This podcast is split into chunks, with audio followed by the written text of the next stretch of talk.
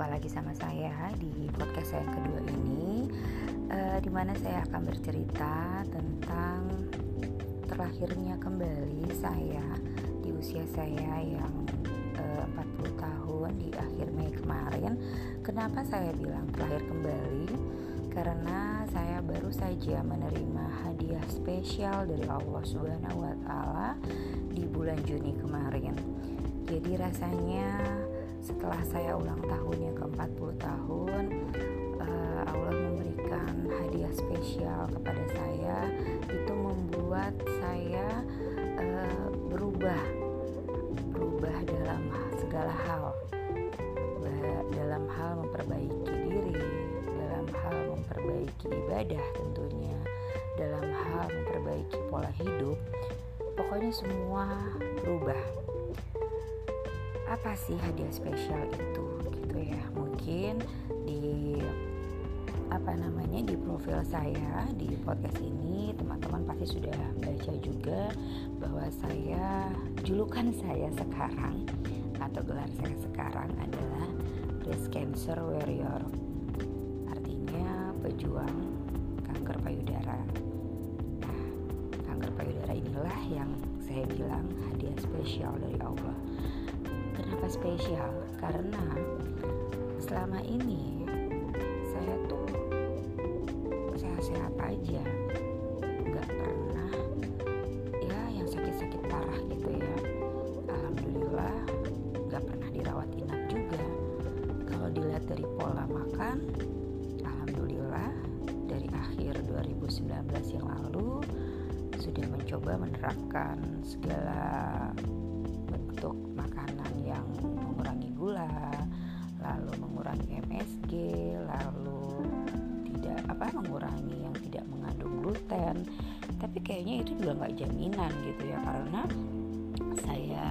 baca di tempat-tempat uh, apa grup-grup gitu ya, grup-grup WhatsApp ataupun di artikel-artikel juga eh, nggak uh, ada tuh katanya yang karena penyebab MSG atau yang segala macam lupa lah ya itu pencetus dari si cancer itu enggak gitu ya. Tapi yang pasti adalah faktor genetik. Dan kedua adalah lifestyle kita ya jujur memang saya akui uh, dari usia muda saya ini ngoyo kerja ya. Artinya hobi banget gitu loh begadang. Ya karena kan dulu saya kerja di rumah sakit ya dari tahun 98 sampai 2010 jadi pastinya ada jadwal dinas malam atau jadwal lembur. Nah itu tuh karena masih single dulunya. Jadi ya saya ambil aja gitu ya menggantikan para senior yang nggak uh, mau dinas minggu saya ambil. Malah dulu pernah 24 jam seperti itu ya. Pokoknya suka suka kerja gitu ya. Ya mungkin uh, dari pola hidup saya dari gaya hidup saya zaman dahulu kala sebelum usia 40 tahun ini di saat sebelum menikah saya nikah kan usia 25 ya. Uh, ya mungkin pencetus dari sana tapi yang pasti pencetusnya adalah faktor genetik. Dan memang di keluarga saya dari keluarga papa itu nenek tiga bersaudara memang sudah ada riwayat cancer ya. Jadi pastinya faktor genetik itu lebih kuat. Oke sekarang aku mau cerita. Awal aku merasakan hadiah spesial ini mudah-mudahan teman-teman gak bosan ya. Semoga juga dapat sesuatu yang bisa dipetik dari cerita aku ini. Uh, paling nggak teman-teman bisa lebih aware lah ya ke tubuh teman-teman dibandingkan aku. Kalau nggak ada gejala-gejala ini aku mungkin masih santai masih nggak aware sama payudara aku sendiri gitu ya. Jadi gini uh, awal Juni kemarin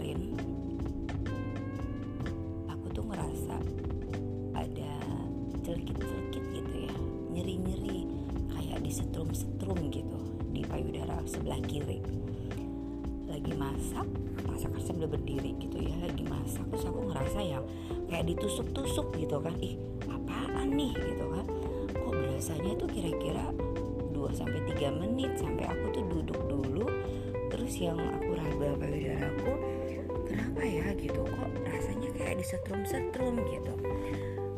Udah lah ya terus uh, ah mungkin mau mens eh tapi kan aku baru aja selesai mens gitu ya. Kayaknya enggak deh. Kayak yang nggak beres. Udah akhirnya aku aktivitas lagi. Selang beberapa jam terulang lagi seperti itu. Berasa celikit-celikit lagi berasa kayak ditusuk-tusuk lagi. Apa ya gitu. Pokoknya dalam seharian itu ada kira-kira 4 sampai 5 kali dalam sehari itu.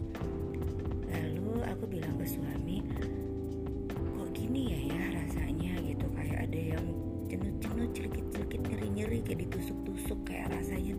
tuh disetrum-setrum kecil gitu.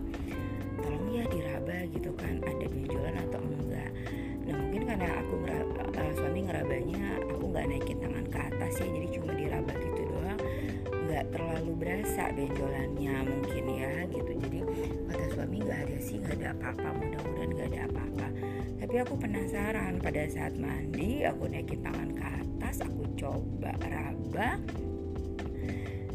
dan kaget banget ternyata aku ngerasain adanya gerinjelan gitu. Apa ya gerinjelan? Kayak kelereng gitu ya kayak gunduk gitu. Keras. Ih apa ini gitu kan? Tadinya aku pikir dua tuh. Satu di dekat uh, apa yang areola ya namanya yang dekat puting itu dan satu lagi itu kayak yang di antara payudara sama ketiak. Jadi di buah dada kita tapi yang arah ketiak. Terasa keras di situ. Pegang terasa keras. Dan kalau tanganku mencetak payudara gitu di di di, di apa diukur gitu ya dipegang gitu keseluruhan dari buah dadanya itu itu kayak rasanya keras gitu. Akhirnya aku nangis kaget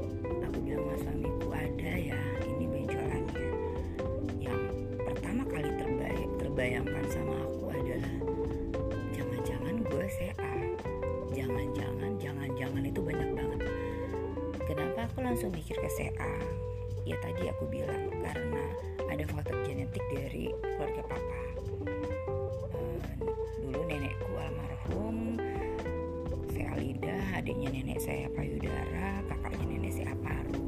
Tapi mereka beliau bertiga itu dapatnya tuh uh, dapat hadiah ini tuh mereka sudah di usia sepuh ya artinya sudah di usia lanjut. 60 tahun ke atas bahkan nenek usia 85 tahun gitu ya Masya Allah banget pokoknya. Ya gitulah ya.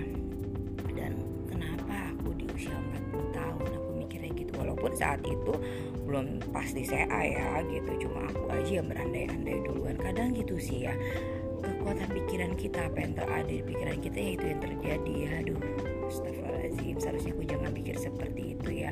Tapi kan kita nggak tahu ya semua kan kehendak Allah. Uh, akhirnya tanggal uh, eh, keesokan harinya uh, suamiku nelfon eh nggak nelfon WhatsApp WhatsApp dokter karyawan di rumah sakit tempat suami bekerja. Di rumah sakit Pondok Indah ya.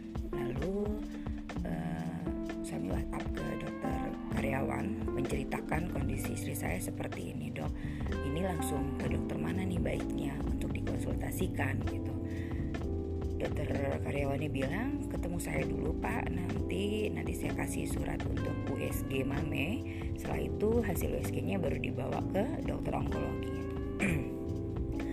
Oke tanggal 6 Juni hari Sabtu aku ketemu sama dokter karyawan di Rumah Sakit Pondok Indah.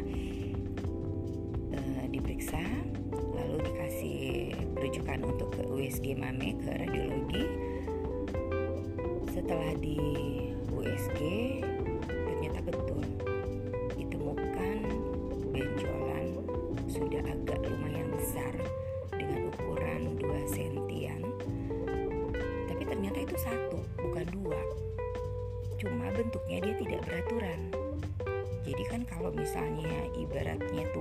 kista itu kata dokter bulat ya ini nih aku nggak beraturan. Dan hasil USG-nya pula sudah terjadi pembengkakan atau pembesaran di kelenjar getah bening yang dekat ketiak. Jadi saran dokter radiologi untuk dioperasi untuk di PA dan akhirnya tanggal 10 Juni hari Rabu aku bertemu dengan dokter spesialis onkologi bawa hasil USG begitu ketemu dengan dokternya alhamdulillah dokternya sudah senior sekali ya. Uh, dokternya bilang uh, oh setelah diperiksa ya sebelah kanan kan bersih alhamdulillah. Dokternya bilang hasil USG sebelah kanan bersih ya bu gitu. Yang sebelah kiri saya periksa gitu. Ya namanya dokter udah ahli ya udah senior banget jadi begitu dokter periksa tepat pada sasaran beliau langsung pegang itu tepat di benjolannya. Dan saya bilang jangan ditekan dok sakit. Dokternya bilang di sini ya bu letaknya dan sudah ada pembesaran juga di kelenjar getah bening pas dokter pegang. Ini sakit bu. Ya sakit dok kalau dipegang tapi kalau nggak dipegang nggak apa-apa nggak sakit dan nyeri hilang timbul gitu ya. Nyerinya tuh nggak yang terus-terusan nyeri. Tapi hilang timbul. Kadang ada kadang kadang dalam seharian itu sama sekali nggak nyeri gitu ya. Aku masih bisa aktivitas gitu masih bisa angkat-angkat berat gitu. Uh, akhirnya dokternya bilang ibu ini baiknya dioperasi saja. Karena kita nggak akan tahu jinak atau ganasnya kalau tidak dioperasi operasinya seperti ini bu kata beliau. E, ibu dibius dibius total saya operasi kita ambil benjolannya benjolannya dibawa ke lab kita tunggu hasilnya 30 sampai 45 menit nanti kita undang dokter PA nya lalu kalau hasilnya jinak operasi selesai bu. Kalau hasilnya ganas ibu langsung dimastektomi pura-pura bego udah searching duluan di Google. Dok mastektomi itu apa? Dokternya bilang payudara ibu diangkat yang ada benjolannya tadi yang sebelah kiri. Dan kelenjar getah beningnya pun juga diangkat. Seperti itu gitu ya. Wih rasanya kepalaku oleng. Walaupun aku sudah tahu mastektomi itu apa artinya tapi begitu dokter bilang kayak gitu asli loh goyang gitu ya merasa di kapal sama sekali nggak ada ngomong soal cancer beliau cuma bilang tumor atau apa jinak atau ganas. Dan aku pancing kemungkinan saya A nggak dok. Dokter langsung bilang e, memang ada riwayat ke situ bu gitu. Ada dok.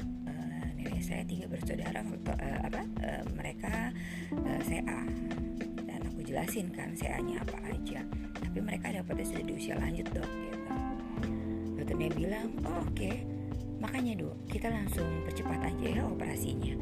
Aku rasa sih dokter udah tahu ya udah tahu aku ini kenapa benjolan ini apa gitu. Karena dari apa hasil searchinganku di Google itu dari enam tanda-tanda saya aku sudah lihat, aku sudah baca dan aku uh, cek ke diriku sendiri ada semua memang cuma satu.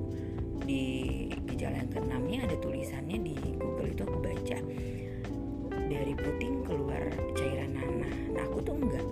Dari puting keluar cairan ya tapi bening gitu ya.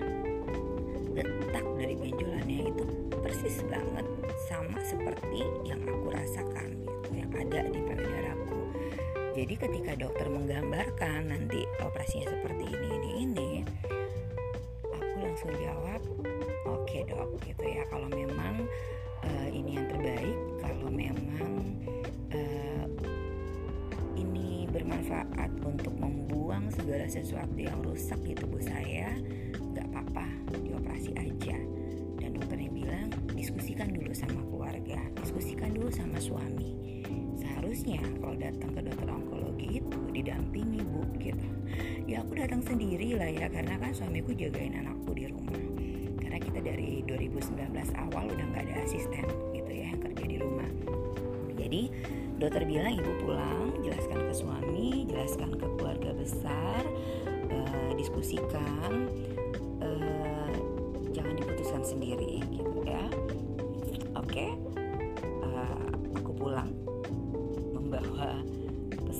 Dokter. Di jalan suamiku udah tanya gimana ndak dokter bilang apa? Gitu. Nanti aja ya di rumah kita bahas. Nah begitu nyampe rumah aku kan tipenya nggak bisa diem ya artinya ngoceh mulu gitu ya. Seneng ngomong. Sampai di rumah aku langsung bilang sama suamiku aku ngoceh dari A sampai Z.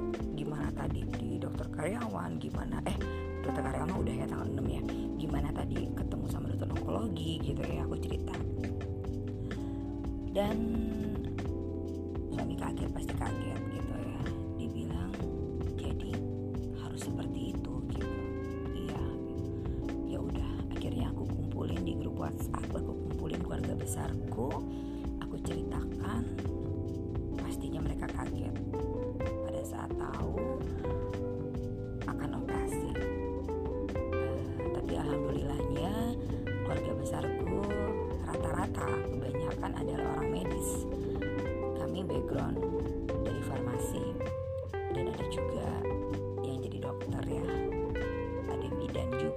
alhamdulillah mengerti lah sedikit banyaknya tentang dunia uh, rumah sakit gitu ya. Ya udah akhirnya keluarga besar memutuskan oke okay, Rin dioperasi aja. Tapi ada satu orang yang belum aku kasih tahu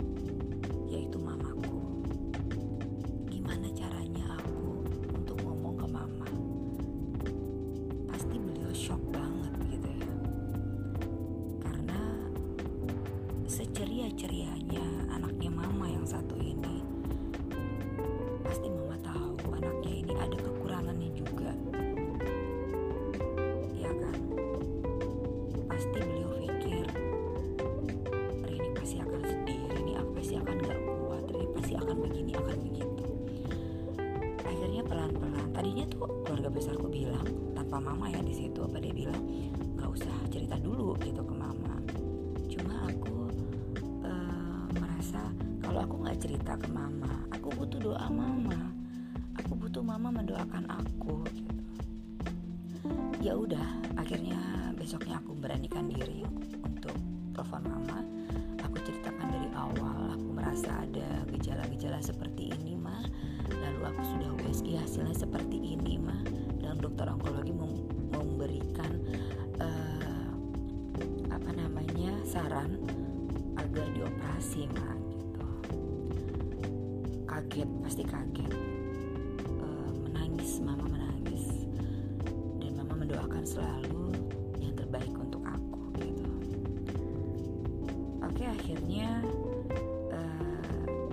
kan hari Rabu ya. Aku ketemu sama dokter hari Jumatnya.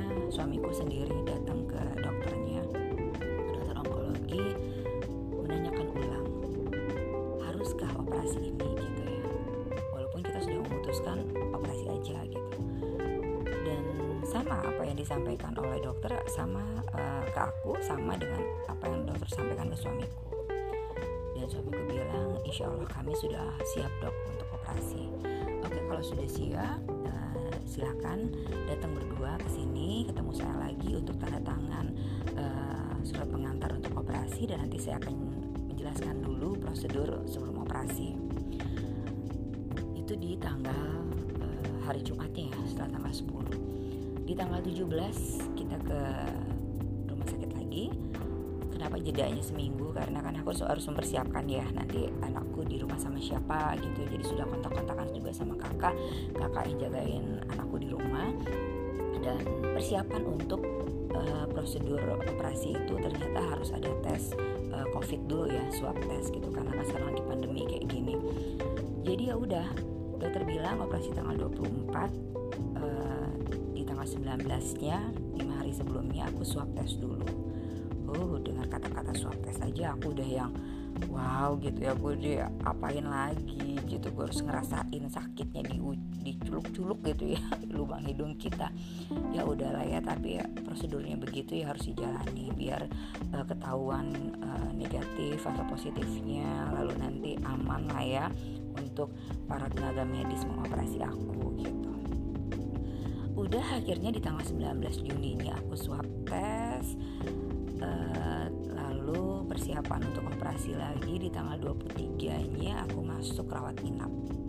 Siang rawat inap uh, untuk pemeriksaan rekam jantung dulu periksa ke dokter internis dulu karena kan dilihat ya kondisi badan aku fit atau enggak seperti itu. Dan alhamdulillah aku bersyukur sekali. Allah menganugerahi aku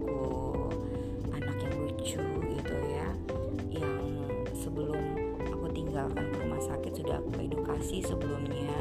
Nanti bunda akan dirawat bunda sakitnya ini mau dioperasi apa mau dioperasi seperti ini. Padahal usianya belum genap lima tahun ya masih empat tahun eh, sepuluh bulan gitu ya. Tapi aku sudah menjelaskan ke dia nanti bunda akan seperti ini. Kamu di rumah sama uh, kakak mama ya eh kakak bunda gitu ya sama mama Ina gitu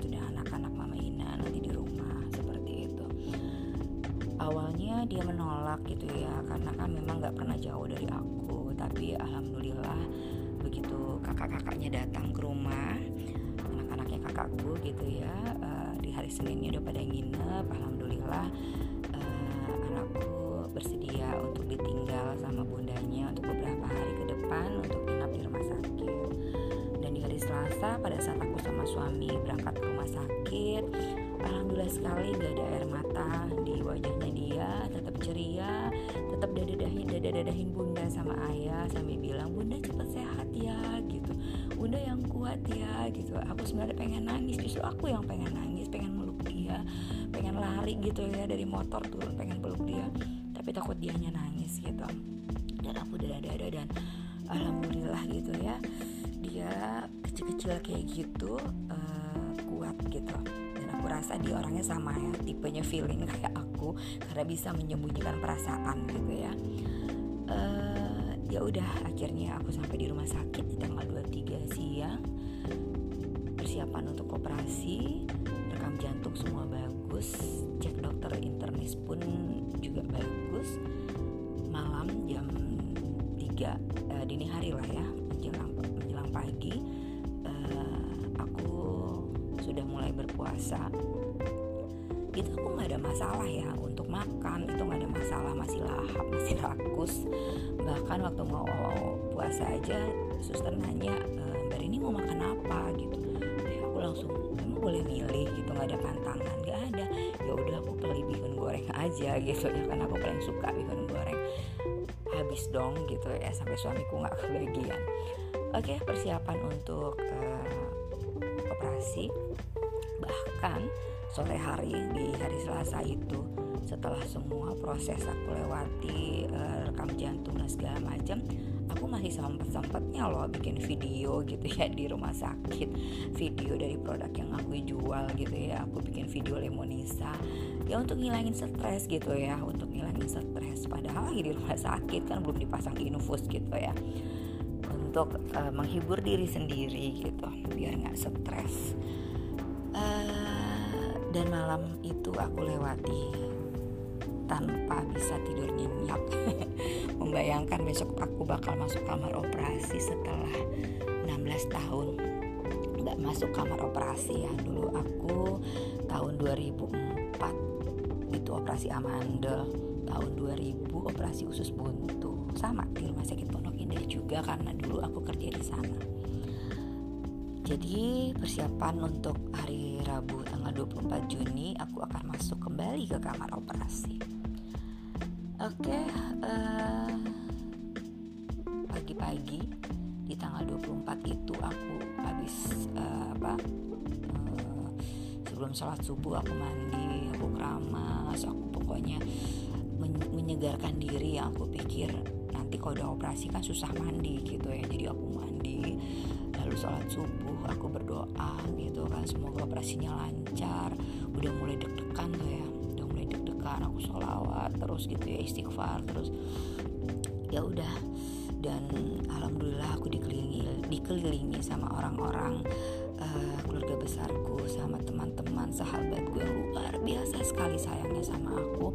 Memberikan support memberikan doa gitu ya. Bahkan banyak temenku yang apa uh, mendoakan aku uh, membacakan sholawat sampai seribu sholawat gitu ya untuk aku gitu kan agar Allah memudahkan proses ini gitu Masya Allah. Semoga Allah membalas kebaikan teman-teman semua ya. Dan akhirnya jam 8 pagi suster udah manggil aku sudah ngajak aku untuk turun ke kamar operasi. Udah mulai deg-degan tuh kan di kamar operasi cerah terima dulu antara suster lantai dengan suster ruang operasi dan dijelasin dulu nanti prosedurnya seperti apa. Uh, aku dipasang infus. Nah pada saat dipasang infus itu ada kali ya kurang lebih 20 menit nggak ketemu loh. Nggak ketemu si venanya gitu ya. Sampai si brudernya itu bilang dari ini kalau kerja pakai tangan kanan atau tangan kiri tangan kanan gitu. Kok susah ya? Kecil banget ini pembuluh darahnya gitu. Dalam hati aku ya cari aja lah ya usahain gitu. Aku sih santai-santai tidur sampai sholawatan gitu kan. Ya alhamdulillah ketemu lah ya. Setelah 20 menit dia berjuang mencari. Aku udah mulai kedinginan tuh ya. Kamar operasi kan dingin banget gitu kan. Aku minta di apa dikasih kipas yang hangat gitu ya. Dikasih lah sama brudernya. Biar hangat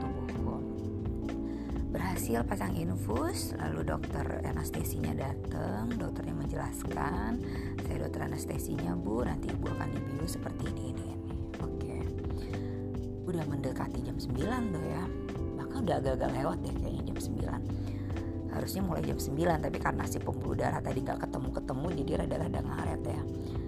Uh, akhirnya dari panggilan ruangan kamar satu ada susternya udah manggil gitu kan. Oke okay, pasien ibu ini boleh masuk gitu kan. Yuk yuk, yang uh, siapa-siapa gitu ya yang untuk uh, beroperasional saat itu gitu. Dipanggil dokter juga udah datang. Begitu masuk ke kamar uh, ruang operasinya ruang tempat di kamar satu ya aku ingat banget. Aku kebelet pipis aku bilang mas mas boleh dong ya aku pipis dulu gitu kan daripada nanti eh tapi nanti dipasang kateter ya aku bilang. Oh enggak mbak ini kalau dokter ini nggak pasang kateter gitu ya. Udah aku pipis dulu. Kan turun lagi tuh dari dari tempat tidur ruang operasi. Udah akhirnya udah selesai buang air kecil. Brudernya udah mulai ngurut-ngurut punggung aku ya eh bahu aku. Berdoa yang berin gitu. Dokter udah mulai pasang uh, udah mulai masukin obat anestesi udah aku sholawat istighfar dan aku nggak tahu apa-apa lagi. Aku udah yang pingsan gitu ya sudah terbius. Aku cuma inget aku terakhir bilang kok gue disarang penyamun gitu ya secara uh, perawatnya cowok-cowok semua. Tapi ada sih yang dua atau berapa orang perawat ceweknya gitu susternya. Aku nggak sadar aku nggak tahu apa apa lagi. Begitu aku melek itu di ruang recovery itu jam 2 jam 2 aku kenapa aku tahu jam 2 karena begitu aku melek pas jam di depan dinding gitu ya di di dinding di depan aku itu jam. Jadi aku tahu itu jam 2 mual mual banget. Uh, aku panggil susternya. Sus gitu kan dengan suara lirih yang masih apa pengaruh obat bius. Lalu susternya datang ya mbak Rini gitu operasi sudah selesai mbak Rini. Sabar ya nanti kita pindah ke ruangan. Aku mual aku bilang dikasih plastik kan dikasih plastik apa kantong kantong obat itu tuh yang khusus untuk itu. Aku mual ya udah nggak apa-apa aku mau dimuntahin dipegangin sama dia. Tapi ya nggak nggak pengen muntah cuma mual aja gitu dan masih oleng. Lalu dateng nih suster cowok ya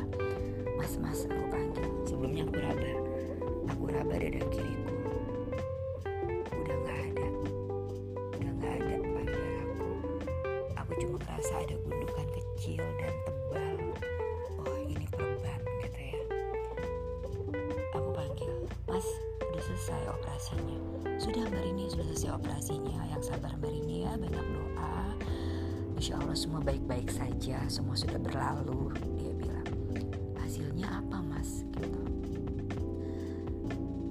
Bruder itu ngomongnya hati-hati sekali gitu ya, bisikin ke telinga aku gitu ya pelan-pelan dia ngomong. Hasilnya ganas mbak uh, dan sudah diangkat. Yang sabar ya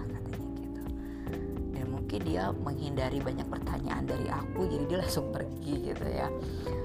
Uh, karena kan aku masih pengaruh obat bius nggak boleh banyak ngomong dulu gitu. Gue rasanya aku yang nggak sabar pengen ketemu suamiku saat itu. Pengen tanya emang bener ganas? Emang bener diangkat gitu? Aku tuh masih nggak percaya. Cuma ya dalam hati aku bilang ya sudahlah. Yang penting yang rusak sudah dibuang. Akhirnya uh, aku pindah ke kamar. Jam setengah tiga aku sudah kembali ke kamar tempat aku dirawat semula. Gak lama suamiku datang uh, lalu aku langsung tanya. Suamiku langsung peluk aku langsung cium aku langsung pegang tangan aku sambil bilang sabar ya bunda gitu. Kita lewati sama-sama sebenarnya aku lihat wajahnya ya. Tapi berusaha menguatkan aku.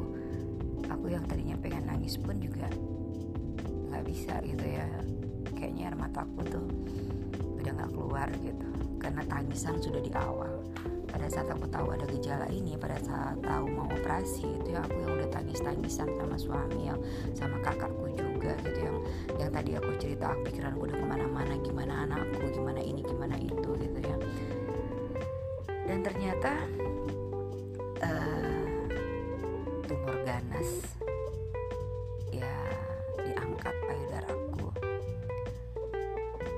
dan jujur aku nggak tahu gitu kalau tumor ganas ini tuh artinya CA gitu ya. Uh, ya aku pikir ganas ya tumor ganas gitu.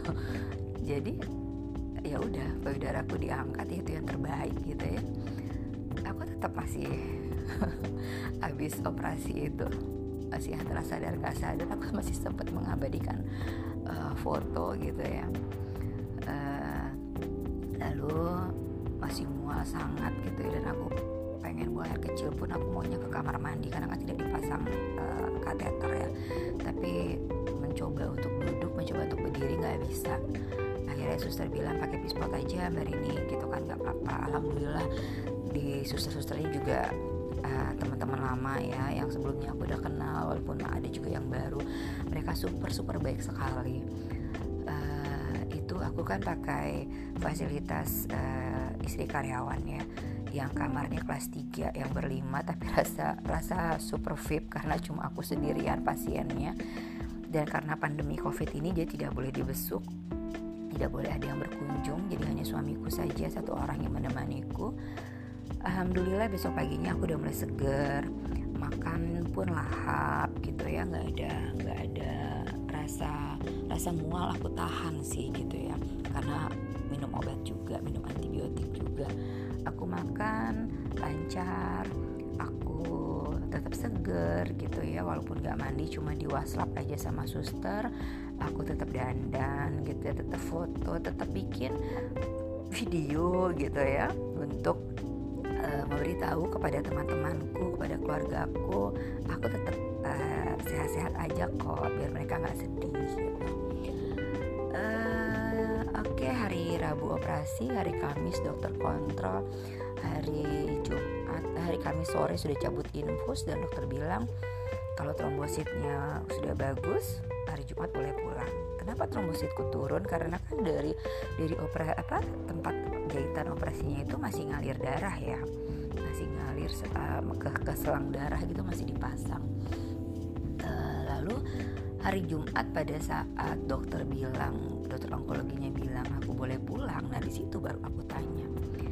Aku tanya dok uh, ini saya tumor ganas ya dok. Bukan saya akan dok gitu. Gobloknya gue ya gitu ya. Yang namanya tumor ganas itu ya pasti CA gitu ya. Dan dokter bilang sabar ya. Yang namanya tumor ganas itu ya cancer.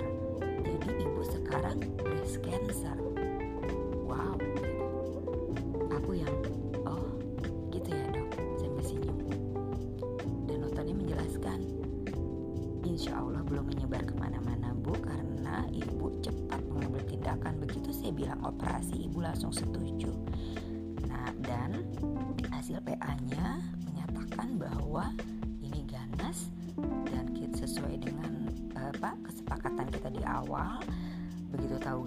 langsung saya angkat payudaranya untuk menghindari si sel-sel tadi menyebar.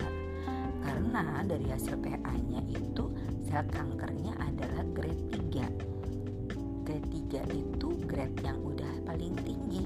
Artinya grade beda ya sama stadium ya teman-teman ya. Grade itu melihat dari tingkat keaktifan selnya pecicilan gitu loh ibaratnya. Sama lah ya kayak yang punya tubuh. Aku kan pecicilan banget gitu ya. Jadi selnya itu tuh aktif banget. Yang tadinya dua jadi empat empat jadi enam gitu ya.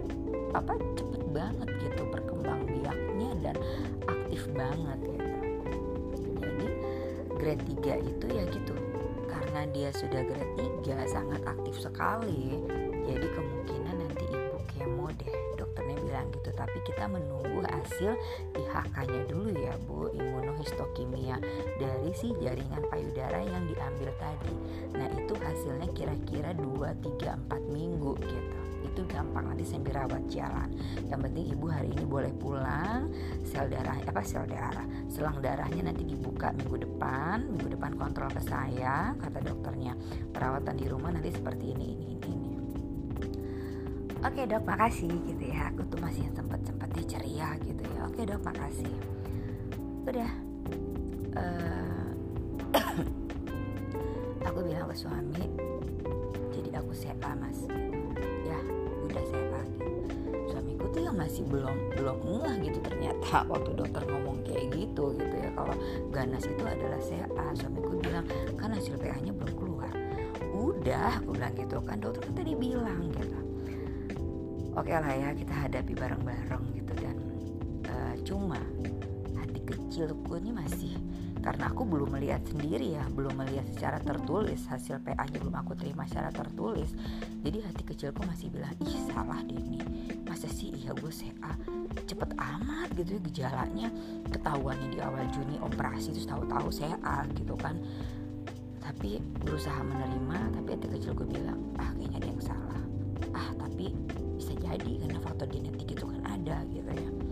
ya kayak gitu ya masih masih masih labil antara menerima dengan uh, tidak menerima. Tapi memang harus menerima gitu ya. Uh, dan suamiku sempat cerita eh sempat aku tanya kan kemarin waktu di kamar operasi gimana ya? gitu. Ayah lihat nggak hasilnya? gitu. Oh ya kan ada fotonya gitu ya. Aku dilihatin fotonya. Ini loh benjolan yang diambil ini loh kelenjar getah bening yang diambil ini loh uh, payudara kamu yang diambil suamiku cerita pada saat dioper aku dioperasi itu kan aku nggak sadar ya. Suamiku dipanggil sama dokter dikasih lihat benjolannya yang mau dibawa ke lab itu. Dokter bilang itu udah keras banget bentuknya kayak gaji gitu ya bentuknya nggak beraturan itu tuh udah keras banget. Dan itu dibawa ke lab. Hasil labnya keluar suamiku dipanggil lagi sama dokter bilang pada saat dipanggil dokter waktu dokter bilang itu ganas ayah tuh kayak di freeze sebentar yang diem jadi patung gitu ya. Sampai dokter bilang pak gitu ya. Si kita mastektomi ya pak. Suamiku tuh yang masih berharap jinak sambil bilang jinak kan dok gitu. Ganas pak. Pada dokternya sebelumnya dia bilang ganas gitu ya. Karena suamiku yang kaget gitu nge-freeze sebentar. Jinak pak. Ay ganas pak gitu. Ya udah dok. Yang terbaik buat istri saya. Suamiku katanya langsung langsung sholat langsung doa nangis gitu ya. Sampai berdoa ke Allah supaya operasinya kuatkan istriku supaya lancar semuanya. Dia cerita seperti itu ke aku. Luar biasa sekali ya. Kalau bukan support dari teman-teman kalau bukan support dari keluarga besarku support dari suamiku anakku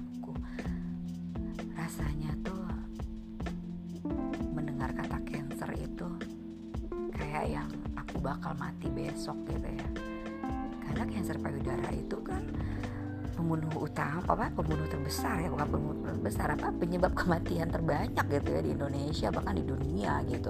Suatu momok banget gitu kan. Suatu hal yang menakutkan gitu. Tapi alhamdulillahnya aku dikelilingi sama teman-teman yang banyak sharing ke aku. Bahkan ada salah satu temanku yang memberikan kontak uh, WhatsApp salah seorang sur survivor uh, cancer gitu ya breast cancer. Dan aku disuruh untuk menghubungi dia untuk masuk ke grupnya dia. Luar biasa sekali di grup itu setelah aku masuk di situ luar biasa sekali. Aku ketemu sama para pejuang cancer para uh, apa survive survive ya seorang yang sudah sudah berhasil melewati bahkan sudah zong sel kankernya itu luar biasa sekali auranya di grup itu tuh semangatnya itu benar-benar saling menguatkan. Dan aku bersyukur sekali aku bisa masuk ke komunitas-komunitas cancer yang isinya itu orang-orang hebat. Orang-orang hebat yang dititipi yang dikasih hadiah sama Allah. Tapi mereka luar biasa sekali semangatnya.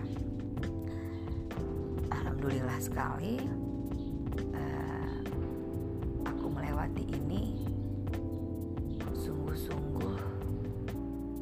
apa ya cepat banget gitu ya. Alhamdulillah aku nggak pakai pikir lama gitu.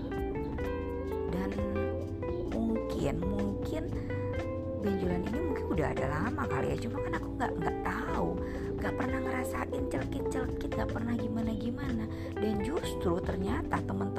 di luar sana yang yang pernah mengalami benjolan seperti ini mereka tuh justru yang ngerasain tuh yang sakitnya luar biasa banget gitu kan. Sakitnya yang sampai gue nggak bisa bangun dari tempat tidurin panas di dalam payudara gitu. Dan ternyata apa? Ternyata mereka tumor jinak dan justru yang nggak pakai sakit-sakit kayak aku gini yang nyeri-nyerinya hilang timbul kadang ada kadang enggak. Bahkan dua hari sebelum bukan dua hari ya sehari sebelum mau operasi. Ya yes, dua hari ya hari Seninnya aku tuh masih bisa ngangkat 15 dus lemonisa sari lemon yang aku jual. Aku tuh masih bisa ngangkat 5 dus satu dusnya sih 20 botol bu. Aku masih bisa ngangkat 15 dus dari dari teras ke dalam rumah ya karena baru datang. Uh, baru dibawa sama kurir gitu kan aku tuh bisa ngangkat ke dalam. Aku nggak nggak ngerasa sakit-sakit kok. Dan bahkan seminggu sebelum operasi pun aku nggak ngerasa nyeri-nyeri. Baik-baik aja gitu. Dan ternyata itu yang ganas teman-teman. Jadi kayak kebalikannya gitu. Yang sakit hebat banget ternyata itu tumor jinak ternyata itu kristal ternyata itu fam apalah istilahnya dan ternyata yang nggak pakai sakit parah yang enjoy enjoy aja kayak aku gitu yang celikit celikitnya hilang timbul kadang ada kadang enggak justru itu yang ganas gitu. Kan rasanya ya Allah gitu ya. Kok kayaknya begini amat sih cepet banget gitu. Tapi alhamdulillah aku tetap bersyukur. Dengan dengan uh, cepat ketahuan, cepat dilakukan tindakan, dan ternyata itu ganas seperti itu. Ah, ya gitulah ya. Dan aku tetap bersyukur, tetap bersyukur Allah memberikan uh, penyakit ini. Bukan penyakit ya sebenarnya aku mau bilangnya hadiah ya memberikan hadiah ini pasti Allah memberikan hadiah ini pada orang yang tepat seperti aku sudah sudah garis takdir aku mendapatkan hadiah spesial ini dari Allah dan aku sangat-sangat bersyukur mendapatkannya di usia 40 tahun ini. Kenapa aku bilang bersyukur? Karena aku masih punya waktu untuk berjuang. Sembuh kembali untuk berjuang apa? Memperbaiki sel-sel tubuh aku sel kanker ini. Sebenarnya tidak tidak mau memerangi ya justru ini berdamai sama si caca ini si sel kanker ini. Kita baik-baikin biar dia mau pergi gitu ya. Uh, coba seandainya aku dapat di usia lanjut. Udahlah badan kurang fit. Udahlah daya tahan tubuh gak bagus. Udahlah semangat itu pasti akan kendur gitu ya. Dan makanya aku bilang alhamdulillah aku menerima hadiah spesial ini di usia aku yang 40 tahun karena aku masih punya semangat juang yang tinggi karena aku masih punya keluarga yang luar biasa hebatnya teman-teman yang luar biasa hebatnya dan support aku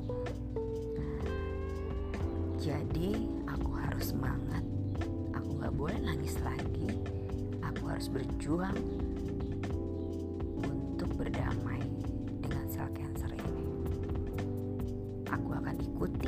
prosesnya. Walaupun dokter bilang belum tahu kemo atau enggak, tapi aku harus berjuang. Ya, dan nanti di episode berikut aku akan cerita hasil IHK aku apa